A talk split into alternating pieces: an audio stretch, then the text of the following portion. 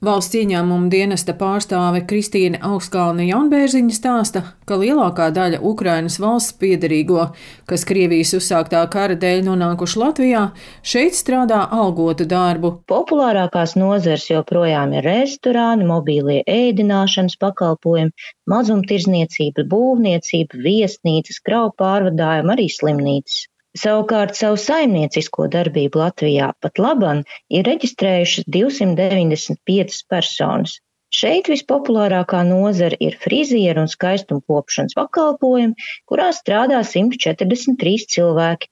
Mazāks cilvēku skaits ir izvēlējies pasta un kurjeru darbību, mežstrādi, mežkopību, citas mežsaimniecības darbības un fiziskās labsajūtas uzlabošanas pakalpojumus. Uzņēmēja Svitlana Eple uz Latviju atbrauc pirms pusotra gada, kad vēl nebija sācies Krievijas iebrukums Ukrainā. Kijivā viņa strādāja dažādos uzņēmumos, vadošos amatos mārketinga jomā, un Rīgā ieradās pēc darba devēja uzaicinājuma. Svitlana šeit apprecējās un saprata, ka ļoti pietrūks domu biedru un biznesa kontaktu. Проект этого клуба и сообщества как площадка для бизнес-знакомств Kluba un biedrības projekts kā iepazīšanās platforma radās, teikšu tā, vienkārši manas depresijas dēļ. Man pašai bija grūti dzīvot bez kontaktiem ar cilvēkiem, un vēlāk sapratu, ka ir liels pieprasījums pēc uzņēmēju tīklošanās. Šobrīd lieli pasākumi Baltijā notiek reti, bet iepazīšanās cilvēkiem ir ļoti nepieciešama. Pēdējie divi gadi visiem bija smagi. Covid, daudz ierobežojumi, ne visas iestādes sāka strādāt, un šobrīd cilvēki ļoti grib satikties. Sākumā sievietes vienkārši satikās un parunājās, bet, kad domu biedru pulciņš izauga līdz 30 dalībniecēm, Svitlana nodibināja sieviešu uzņēmēju klubu. Tagad satikšanās notiek regulāri, un kluba biedres maksā arī noteiktu dalības maksu. Tagad tikšanās notiek speciāli aprīkotās konferenču zālēs, kur mēs varam iepazīties, apmainīties ar vizītkartēm un izstāstīt, kādus pakalpojumus kura piedāvā. Uzstājas lektori, dažādi zīmoli piedāvā savu produkciju. Ukraiņu uzņēmēju nav daudz, bet ir. Visbiežāk tās, kuras šeit atrodas kara dēļ un sāk šeit attīstīt savu biznesu.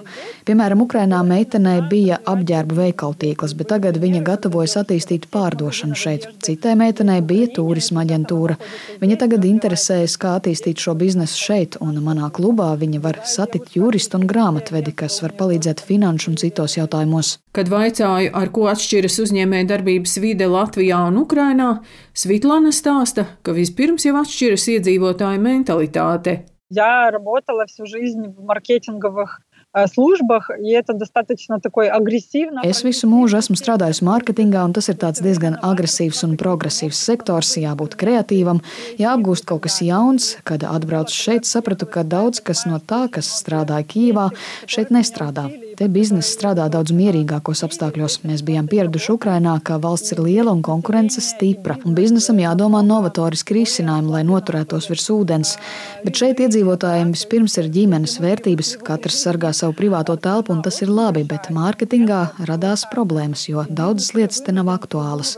Visi pēdējie notikumi, Covid un karš piespiež biznesu vairāk izmantot digitalizāciju, un visi saprot, ka online pārdošana ir svarīga. Svitlana Eple stāsta, ka viņas vadītā sieviešu uzņēmēju kluba darbā jau iesaistījušās arī uzņēmējas no Viļņas un Kaunas, un viņas mērķis ir kluba darbību attīstīt arī starptautiskā mērogā.